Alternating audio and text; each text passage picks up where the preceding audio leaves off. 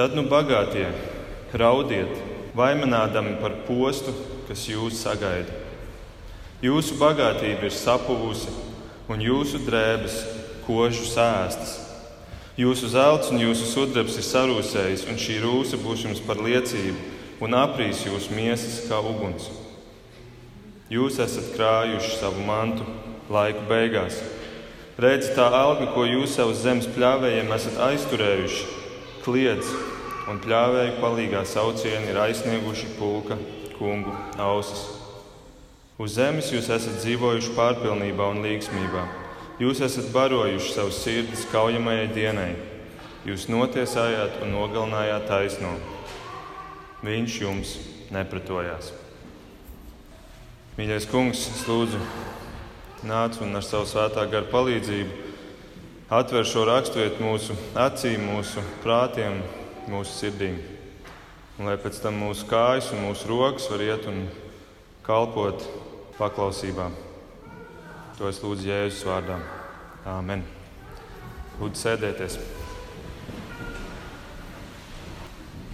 Atgriežoties šodien mūsu svētdienas sērijā par Jēkabu vēstuli, šodien mums ir tāda diezgan radikāla un asa raksturvieta.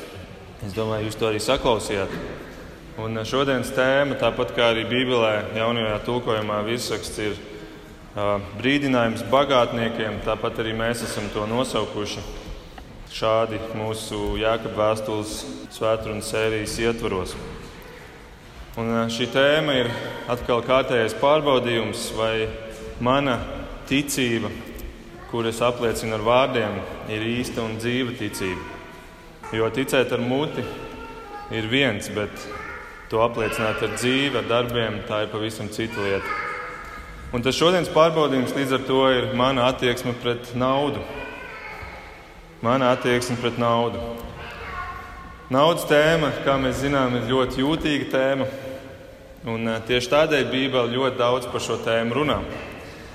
Varbūt mazliet pārsteidzoši, bet, kad mēs paskatāmies Bībeles kopējo, kopējo kontekstu, mēs redzam, ka ap 500 pantu Bībelē ir par tēmu lūkšana.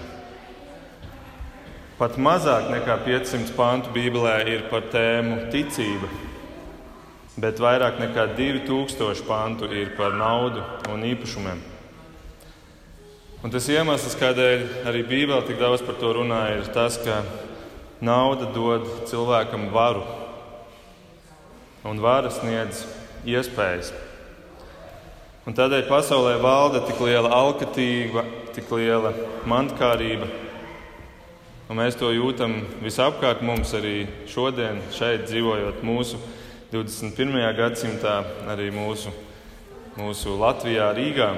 Un man nav jums gari jāstāsta un jādod daudz piemēru, lai mēs varētu šo bildi nest savu acu priekšā. Mēs to visi ļoti skaidri apzināmies. Patiesībā, ja mēs tā padomājam, katras mājas un automašīnas durvis, kurām ir slēdzene, tā ir liecība par to, ka cilvēki ir mantkārīgi un alkatīgi. Mūsu e-pastu adreses un mūsu sociālo tīklu konti ir aizsargāti ar parolēm. Mūsu banku konti tiek aizsargāti ar PIN kodiem. Un iemesls ir tieši tas pats. Un, ja mēs tā padomājam, patiesībā lielākā daļa mūsu valsts likumu ir radīta tieši tādēļ, lai aizsargātu no garnaģiem, no alkatīgiem cilvēkiem. Tātad šī naudas kāra ir tik dziļi iesakņota mūsu sabiedrībā, mūsu dzīvēm, ka tā ir kļuvusi par tādu kā sērgu, Un tā kļūst cilvēka dzīvē par sērgu, ja mēs neradām mehānismu, kā to ierobežot. Un tādēļ Bībelē ir tik daudz brīdinājumu par nepareizu attieksmi pret naudu. Lūkas 12. jēzus, piemēram, saka, pielūkojiet un sargieties no jau kādas mantrausības. Pat pārpilnībā cilvēks nedzīvo no tā, ka viņam daudz kas pieder.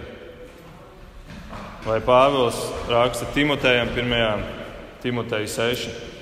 Bet kas grib iedzīvoties bagātībā, tie krīt kārdināšanā, lamatās un daudzās bezprātīgās un kaitīgās iegribās. Un tas viss iegrūž cilvēku postā un pazušanā, jo visu ļaunumu sakne ir alkatība. Angļu tulkojumā šis vārds alkatība ir iztulkots kā mīlestība uz naudu. Redzēt, Pāvils raksta, visu ļaunumu sakne ir mīlestība uz naudu. Un tādēļ šodien arī uzklausīsim, ko Jānis par šo grib teikt, un viņš dod šo brīdinājumu bagātajiem. Un tagad varbūt mēs tā domājam par sevi, kāpēc es šorīt atnācu? Te būs runas par bagātiem. Tā nav mana auditorija, tas neesmu es. Tas nav man adresēts, tāpēc veltīgi izniekots laiks šajā rītā. Jo es neesmu bagāts. Bet es vēlos teikt, pirmkārt, tu esi gan bagāts.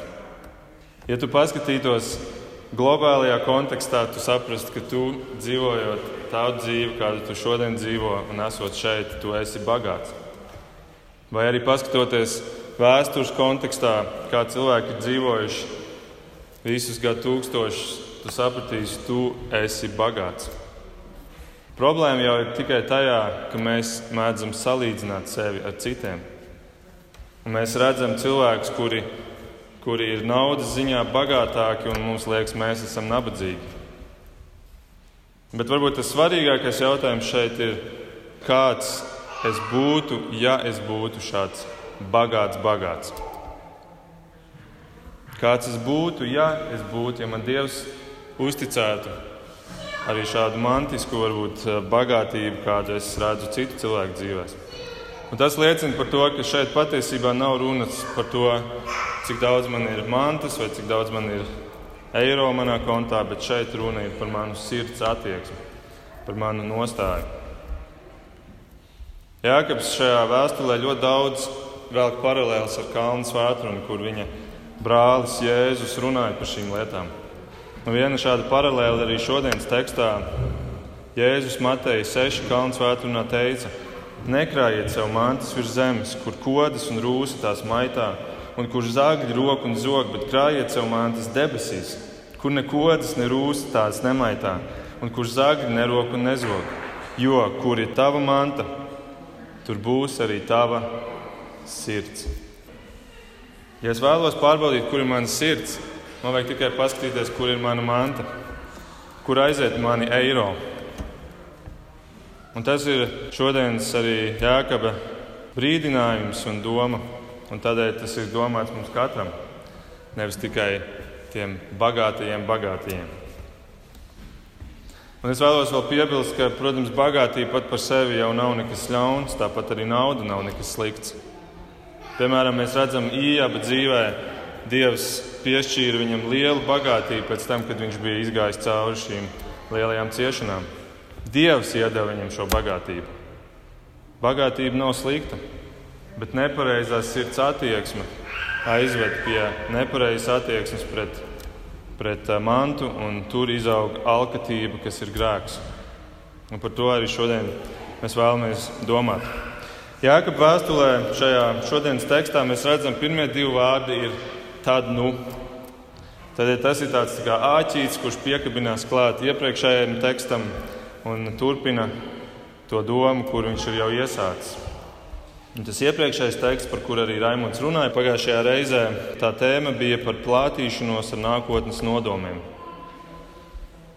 Un tas ir ļoti labs ievads šodienas tēmai, jo, ja es pajautātu katram no jums, varbūt arī šodien, vai jebkuram cilvēkam, kādu tu iztēlojies to labāku rītdienu, to, to skaisto rītdienu, ja tu varētu iztēloties, tad kas būtu tās lietas, kuras tu tajā redzētu? Un es domāju, ka gandrīz katrs no mums teiktu, varbūt blakus citām lietām, ka noteikti arī es būtu pārticis, man nebūtu finansiālu problēmu, varbūt es pat būtu bagāts. Tāda ir tā mūsu iztēle par to labo nākotni, to gaišo nākotni. Tātad nauda spēlē izšķirošu lomu mūsu katru dzīvēm, mūsu katru plānos, mūsu nākotnē. Un tā jēkaba pamatdoma šajās divās raksturvietās, pagājušajā un šodienā, ir, ka šādi nākotnes plāni ir riskanti. Šādi nākotnes plāni ir slideni. Agrāk vai vēlāk, ar nepareizu attieksmi pret naudu, ejot šajā nākotnē, tā tevi ievedīs postā. Šajā dzīvē vai nākamajā tā tevi aizvedīs postā. Un tādēļ pirmais pants skan šādi: Tad nu bagātie raudiet, vaimanādami par postu, kas jūs sagaida. Šodienas tekstā ir 17 darbības vārdu, kas ir ļoti daudz, bet tikai divi darbības vārdi ir pavēles. Un tie ir šie divi - raudiet, vaimanādami. Tas ir kā tāds pamats, ko Jānis ieliek visam tālākam, ko viņš teiks. Viņš saka, raudiet, vaimanādam. Un mēs varam domāt, kādēļ tik dramatiski? Vai, vai tad tiešām vajag domāt par šo tēmu, raudāt un vaimanāt? Vai tas ir, vai tad mēs redzam bagāto dzīvēs, kad, kad uh, arī viņi par savu bagātību justos, ka viņiem ir kaut kas jānožēlo un jāvaimanā un jāraud? Kaut kā tas nepiestāv šim, šim tekstam. Bet tieši tas ir tas, kādēļ es ticu, Jānis tik radikāli uzsāk šo raksturvietu, jo nauda ir tik spējīga aizmiglot cilvēku acis, ka viņi vairs neredz realitāti. Viņi neredz mūžību, kas ir tik nesalīdzināmi garāka par to īso dzīves posmu, kur mēs dzīvojam šeit virs zemes. Bet nauda ir spējīga man redzēt tikai šo īso dzīvi un neredzēt mūžību. Viņi man tā var aizmiglot acis. Tādēļ, ja tu gribi salauzt šo nepareizo izpratni, tad vienīgais ceļš ir pieiet tik nopietni šai tēmai, ka tas var ietvert arī raudāšanu un vaimanāšanu. Un tādēļ šis, šī doma, ko Jānis arī šeit iesāk, ir, ka šī tēma ir tik nopietna, tik daudz cilvēku tiek, tiek pazudināti, tiek ievest postā, tādēļ, ka viņi ir padarīti akli un viņi naudu redz tādu, kādu mamons grib, lai viņi redz nevis kā dievs. Jākap šo vēstuli raksta kristiešiem. Un acīm redzot, arī viņiem bija šāda problēma. Blakus visām tām pārējām problēmām, par kurām mēs esam jau skatījušies iepriekšējās nodaļās, kas ir tie pārbaudījumi, arī šeit šis ir kā pārbaudījums. Raudiet, vaimanādam par postu, kas jūs sagaida. Jēzum ir kāds labs piemērs par šo raudāšanu un vaimanāšanu. Ir kāda līdzība par bagāto vīru un lācaru. Lācars ubaks. Un teologi saka, ka uzskat, daudz teologu uzskata, ka šī pat nav līdzība, tāpēc ka šeit tiek minēts īsts vārds, īsta persona. Līdzībās to parasti nedara. Un, kad abi šie vīri nonāk mūžībā, tad Jēzus saka, ka šis lācars, ubaks nonāk Ābrahāma klēpī bet bagātais nonāk ellē. Un šis bagātais redz šo situāciju, kurā viņš nonāca. Viņš arī redz lācaru, un, un ko viņš dara? Viņš vaimanā. Viņš vaimanā, viņš raud. Tas, tas vārds ir izmantots arī šeit. Un tas brīdinājums šeit ir dari to tagad, kamēr vēl tu vari. Vaimanā tagad, kamēr tu vēl vari kaut ko mainīt, nevis ēlēm kad būs par vēlu to darīt. Šis bagātais vaimanā par, gan par savu pazušanu, bet es ticu, ka kad fakts, ka viņš bija tik bagāts un ka viņš bija ietekmīgs, tas tikai vēl vairāk pastiprināja viņa sāpes, jo viņš saprata, cik daudz iespēju viņš ir palaidis garām. Cik daudz iespēju svētīt citus cilvēkus, vest viņus pie Dieva. Un, un šis bagātais viņš lūdz Ābrahamam, ļauj viņam atgriezties dzīvē un brīdināt viņa brāļus bet viņš saņem atbildi, ka ir par vēlu jau. Un tas ir tas brīdinājums mums šodien, katram, ka vai nu šodien es redz, redzēšu to izniekoto savā dzīvē, vai arī man tas būs jāredz kādu dienu manā mūžībā. Tur es redzēšu postu, par kuru Jānis šeit runā. Jautājums, kādēļ cilvēkus naudas dēļ sagaida posts? Kas ir tie iemesli, kādēļ cilvēks nonāk pie šī posta? Es vēlos no šodienas raksturvietas trīs domas izvilkt. Pirmā doma ir rakstīta 2. un 3. pantā, un to domu, to iemeslu postam mēs varētu nosaukt sautīga uzkrāšana. Sautīga uzkrāšana. Tur ir rakstīts, jūsu bagātība ir sapuvusi, jūsu drēbes ir kožu sēstas, jūsu zelts un jūsu sudrabs ir sarūsējis, un šī rūsa būs jums par liecību un aprīs jūsu miesas kā uguns. Jūs esat krājuši savu mantu laiku beigās. Es domāju, man jums arī nav jāstāsta par to, ka cilvēkiem patīk krāt mantas. Ja kāds saka, nē, nē, nu es esmu tīrais, man ir tīrais stils, es nekrāju, man patīk minimālisms manā mājā, tad uh, mēs varam aiz, izmainīt vārdu krāt pret pirkt. Cik ļoti mums patīk pirkt mantas, krāt mantas vai krāt naudu, lai varētu pirkt mantas. Krāt sev veidot, veidotos simboliskos šķūņos, kur, kur ir uzrakstīts sev, sev, sev. Atkal kādā līdzībā par šo Jēzus, un starp citu Jēzum gandrīz pusi no viņa līdzībām ir par naudu, min kādu citu bagāto, kurš būvē šķūņus, lai tajos uzkrātu savai nākotnes drošībai. Lai uzkrātu savai nākotnes drošībai. Un šī līdzība beidzās ar šādiem jēzus vārdiem - Lūkas 12. Tad viņam Dievs sacīja: Neprātīgais, šajā naktī tev atprasīs dzīvību.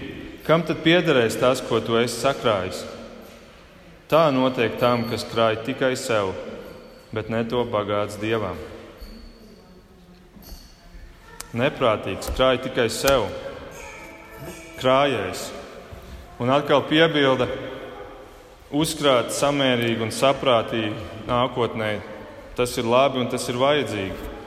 Pensijai krāt vai, vai ģimenes nodrošinājumiem, par to te nav runas, bet runa ir par to attieksmi, kurā es krāšanu veicu sev, kurā man nav īsti pamatojumi, kādēļ man būtu nepieciešamība to darīt, bet es to daru ar tādu sajūta, ka man eh, ir vajadzīga drošība nākotnē, un tāpēc es to, to mantu, to naudu krāšu sev. Šāda krāšana Jēkabā vārdiem aizved postā. Un Jēkabs dod kādu labu piemēru, tādu progresējošu intensitāti. Viņš saka, sapuvis, sēsts, sarūsējis un sadedzis. Un te, ir, te varētu teikt, ka tas ir līdzīgi tā tādā maslava piramīdā. Viņš sāk ar tādu vienkāršāko, viņš runā par sapūšanu, tas ir kā ēdiens. Ja tu ēdienu nelieto, viņš sapūst, mēs to zinām. Tāpēc mums ir leduskapī. Un arī tur mēs nevaram pārāk ilgi turēt to. Ēdiens sapūst. Ēdiens ir tas pats, varbūt lētākais, vienkāršākais. Nākamais līmenis ir drēbes. Par drēbēm mēs jau maksājam bišķi vairāk nekā par ēšanu. Drēbes tiek sēstas. Ja tu turēsi ilgi drēbes skapī, viņas nevis uzlabos savu stāvokli, bet, bet eh, pasliktinās. Nākamais ir, eh, viņš runā par zeltu un sudrabu, kas tiek rūsu sēsts. Un, eh, ja mēs paskatāmies par ko, ko stāsta vēsturiski, kāds bija zelts un sudrabs, tad mēs redzam, ka viņš nebija pilnīgi tīrs. Un, un diezgan bieži šī nauda, šīs monētas, šis zelts un sudrabs mēdza sarūsēt. Tad ēdienas, drēbes, nauda. Un tad ceturtais ir, mēs redzam, ka te ir runa par miesu, pats cilvēks. Sadeg. Šī rūsa būs jums par liecību un aprīs jūsu miesas kā uguns. Šī uzkrātā naudas rūsa personificējas un kļūst par tādu apsūdzētāju, par tādu liecinieku pret mani tiesas dienā. Un viņš saka, ka šī liecība ir iznīcinoša kā uguns. Ko tad šī personificētā rūsa varētu tādu teikt, liecināt pret mani? Pavisam vienkārši. Tā varētu teikt, tu esi krājis tikai sev, liekot man sarūsēt bezdarbībā. Apturot tās svētības, kuras bija par, Dievs bija paredzējis caur mani lietot. Un tādēļ mācība te ir tikpat vienkārša. Mums tiek dots nevis krāšanai, bet lietošanai, došanai. Mums tiek dots nevis krāšanai, bet lietošanai, došanai. Došanai kam? Došanai, lai uzturētu ģimeni, 1. Timoteja 5. mēs lasām, bet ja kāds par saviem negādā sevišķi par mainiekiem, tas ticība ir atmetis un ir sliktāks par neticīgo. Sliktāks par neticīgo, ja tu nerūpējies par savu ģimeni.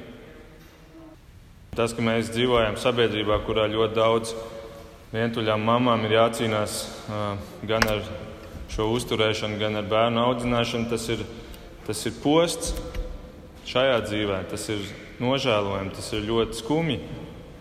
Un tas nav tas, kā Dievs to ir paredzējis. Tas ir grēka sekas.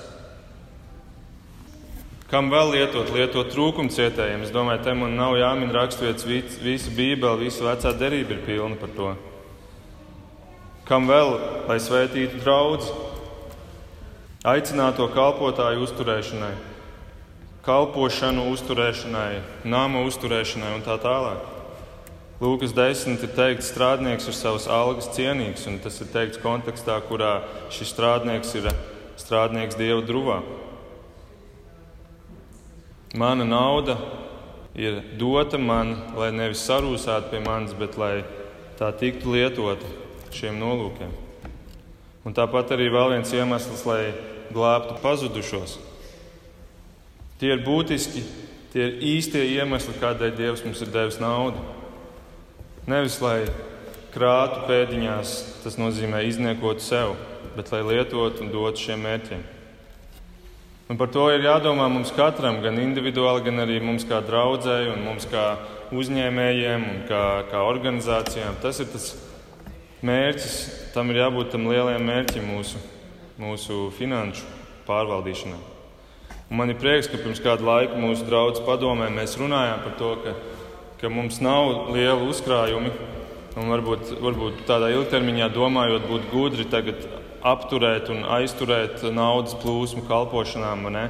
Bet, bet mēs izlēmām, nē, mēs lietosim, mēs neuzkrāsim, mēs lietosim un ticēsim, ka Dievs, Dievs gādās un Viņš to vienmēr ir darījis. Jo iegaumējiet, kam vajag uzkrāt? Kādam cilvēkam vajag uzkrāt? Tam cilvēkam, kurš neredz savā nākotnē Dievu. Uzkrāt vajag tam, kurš neredz savā nākotnē dievu. Un tas daudz ko pasaka par cilvēku un arī par, par draudzes attiecībām ar Dievu. Bet tie, kuri redz savā nākotnē Dievu, tiem pietiek ar to, un viņi, viņi ir kā pārvaldītāji, kuri ļauj šam, šīm svētībām plūst. Ebrejiem 13 ir teikts, lai jūsu domas ir brīvas no mankārības, lai jums pietiek ar to, kas jums ir. Pats Dievs taču ir sacījis, es tevi nekad neatstāšu un nekad nepametīšu. Dievs ir apsolījis tevi neatstāt, un ja tu redzi Dievu savā nākotnē, tev būs vieglāk nekrāt sev un nepaturēt un nelietot to sev. Tātad pirmais iemesls postam ir sautīga krāšana. Otrais iemesls ir nolaidīga lietošana. Ceturtais pāns.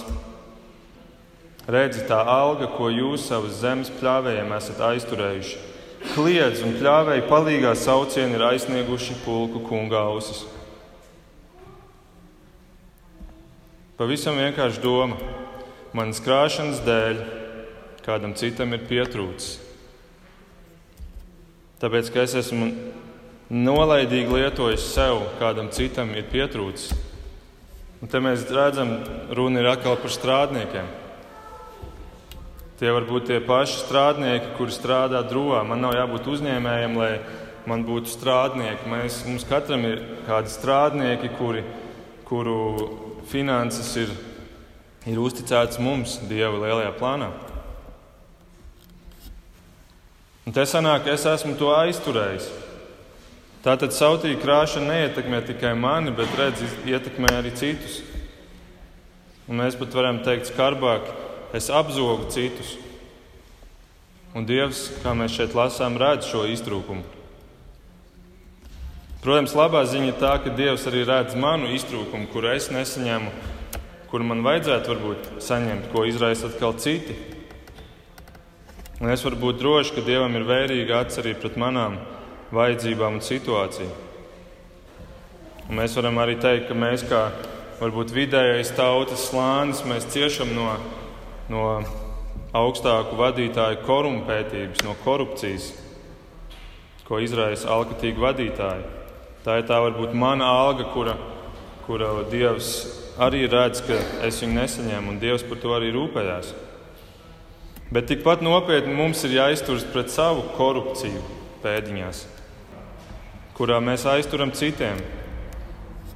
Citiem, kurus mēs varbūt nepazīstam, varbūt nekad nesatiksim, neredzam, bet kuriem Dievs ir ieplānojis, ka šī svētība plūdīs no mums viņu dzīvēs un, un, un viņu darba laukā.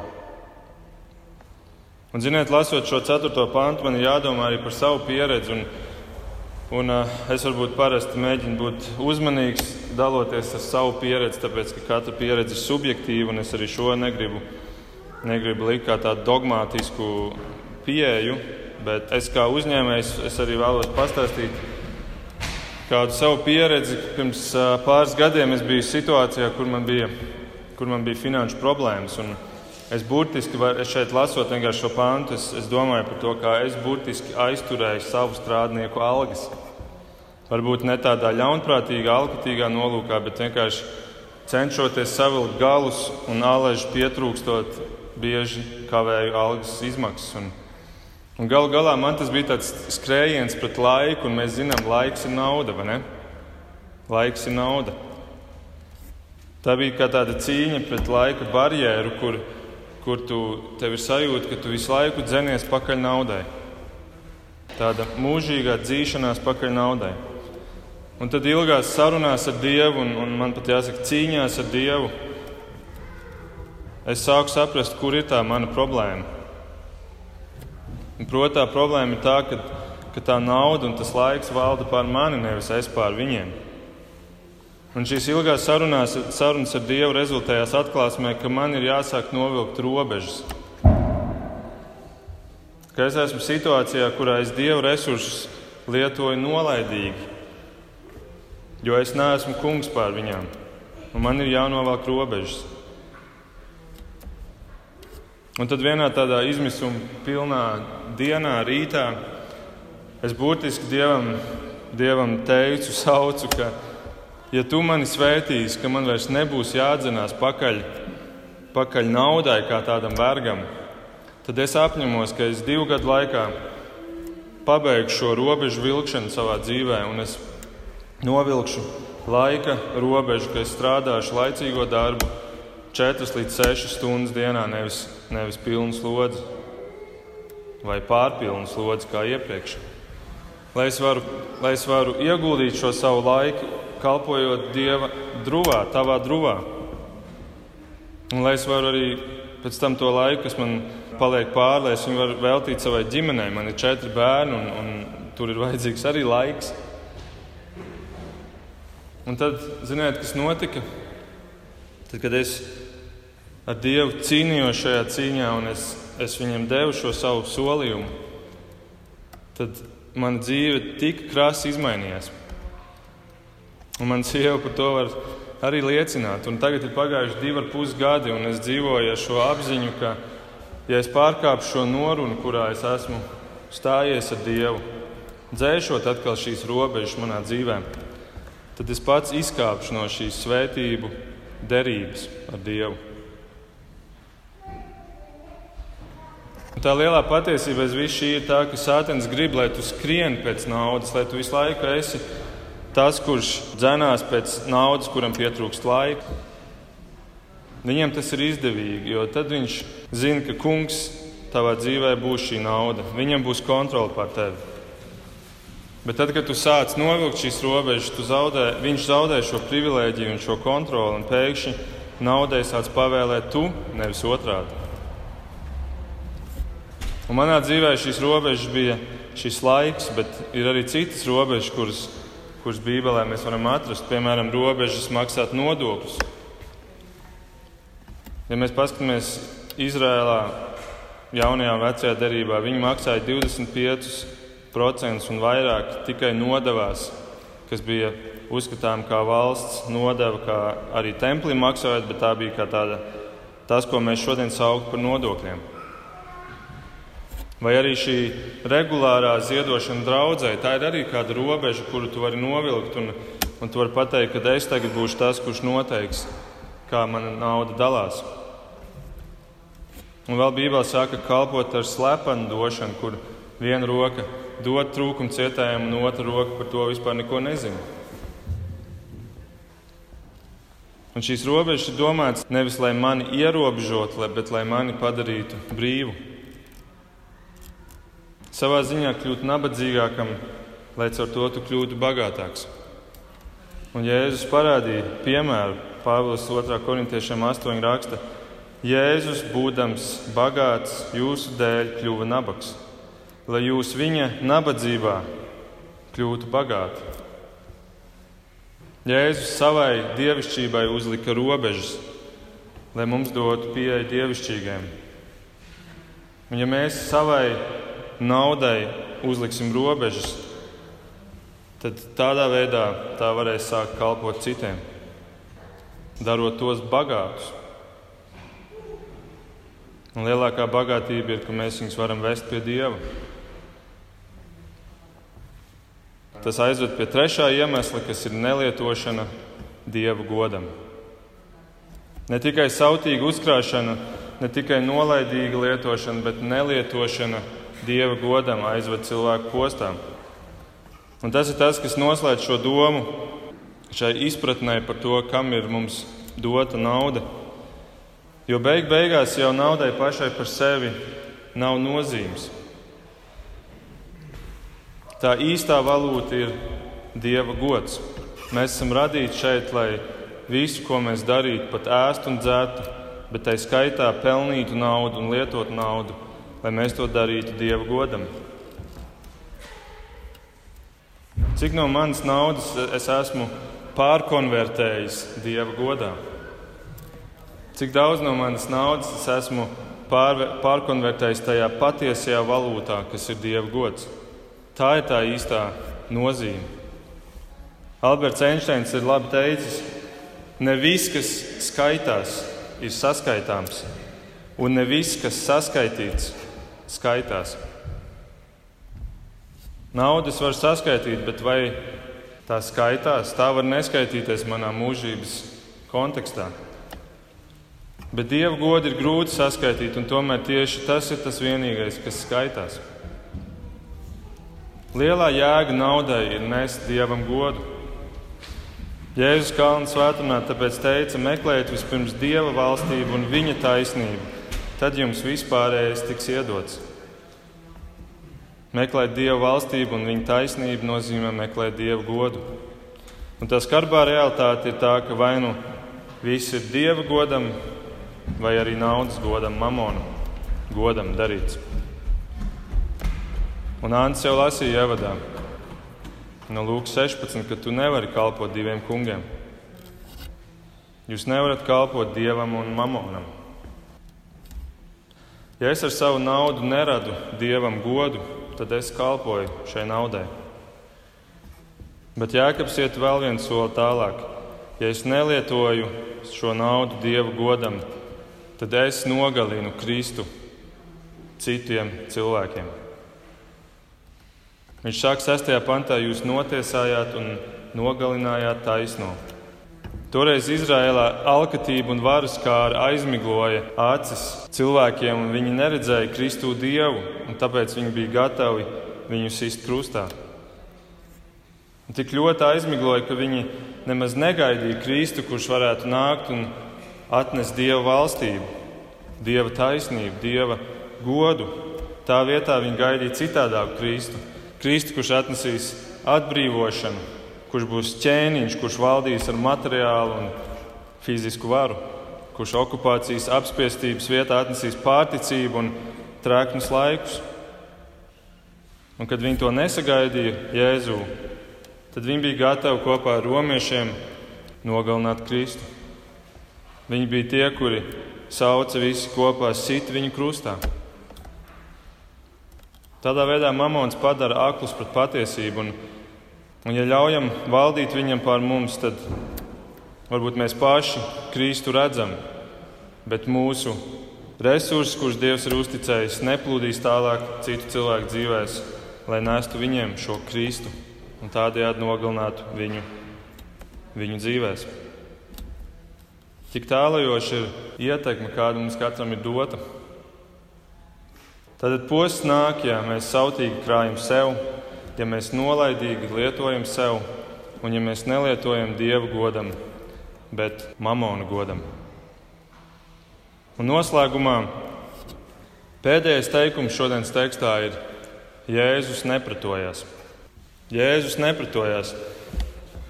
Varbūt šķiet dīvaini tāds, tāds, tāds komentārs beigās šim tekstam, bet patiesībā tas ir atkal tik dziļi, un tas parāda, kādā kontekstā Jēkabs vispār visu šo domu ir gribējis pateikt. Kristus to dienu Golgātā nepratojās mamonam. Jēzus zināja, ka mamonam ir jāļauj uzvarēt, vai vismaz lai izskatītos pēc uzvaras. Jo patiesībā jau vara vienmēr ir piederējusi viņam, un tā vienmēr piederēs viņam. Un tādēļ klausieties, tos, kurus viņš izpērk, tie mainās izpratni par mamonu, par naudu. Jo viņi redz caur Kristus acīm, un viņi redz, kā vienīgā galējā jēga ir lietot naudu un laiku dievu godu vairošanai, un viņi redz, cik šīs dzīves laiks ir smieklīgi īss pret to mūžību, kas gaida mūsu godībā. Bet tie, kuri nav viņa izpirkti, tie akli seko mamonam. Tie notic, ka mamons ir uzvarējis Kristu. Un tie notic, ka mamons ir tas, kurš dos man to drošo nākotni manai dzīvei. Un tādēļ viņi krāj sev, un tādēļ viņi lieto nolaidīgi sev un tādēļ viņi nelieto dievu godam. Un pat ja viņi sevi sauc par kristiešiem, Kristus nepratojas un ļaujas. Bet Jēkabs saka, ka viņus sagaida posts. Un izēja tikai viena - šo visu nopietni uztvert savai dzīvei, ja vajag graudāt un vaimanāt, un nožēlā, nožēlā lūgt Kristu žēlastību. Lūksim. Debes Tēvs, paldies par, par to, ka mēs drīkstam dzīvot šodien, šajā laikā, kurā mums ir tik daudz komforta, kurā mums ir tik labi apstākļi arī mums dzīvojot tieši šajā laikā, Latvijā un, un šajā vietā, pasaulē. Piedod, ka mēs aizmirstam, cik mēs esam bagāti, cik mēs esam bagāti jau ar visu to svētību, kur tu mums dod šajā laicīgajā dzīvē, bet cik daudz bagātāk mēs esam garīgajā ziņā. Tu mūs esi darījis bagātus, kungs. Piedod, ka šī dzīve tik, tik viegli aizmiglo mūsu acis pret mūžīgo, pret mūžīgajām vērtībām. Tik viegli liek mums sākt dzīties pakaļ naudai un laikam, lietot to neliederīgi. Un es lūdzu, kungs, drosmi mums katram, ka mēs varētu būt gatavi novilkt robežas un uzticēties tev un skatīties savā nākotnē un redzēt tevi tur. Un ticēt, ka tu mums katram esi uzticējis vai mazumiņu, vai, vai lielumu, bet tu esi to uzticējis tādēļ, lai nevis mēs to izniekojam sev, bet lai mēs to lietojam, ka tava valstība, tava taisnība un tavs gods varētu izplatīties virs zemes citu cilvēku dzīvēm.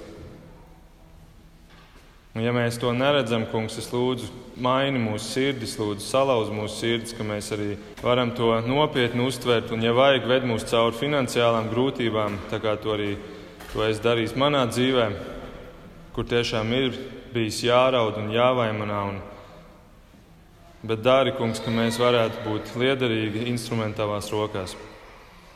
To mēs lūdzam mūsu kungu Jēzus vārdā. Āmen!